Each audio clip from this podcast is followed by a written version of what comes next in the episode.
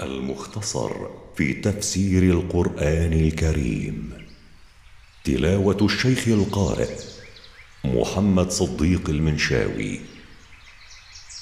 قراءة التفسير ياسين اللحياني ورياض عاشور.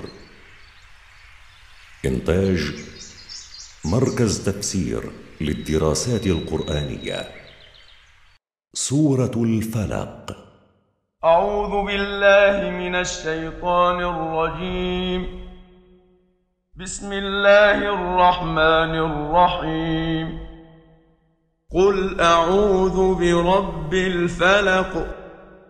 قل أيها الرسول أعتصم برب الصبح وأستجير به.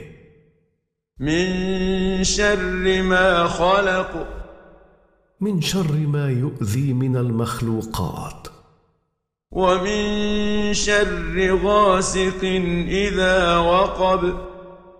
وأعتصم بالله من الشرور التي تظهر في الليل من دواب ولصوص ومن شر النفاثات في العقد.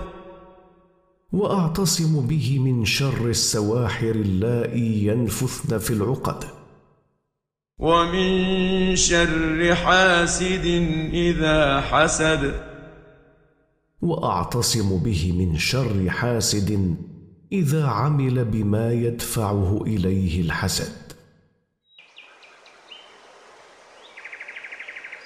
إنتاج مركز تفسير للدراسات القرآنية.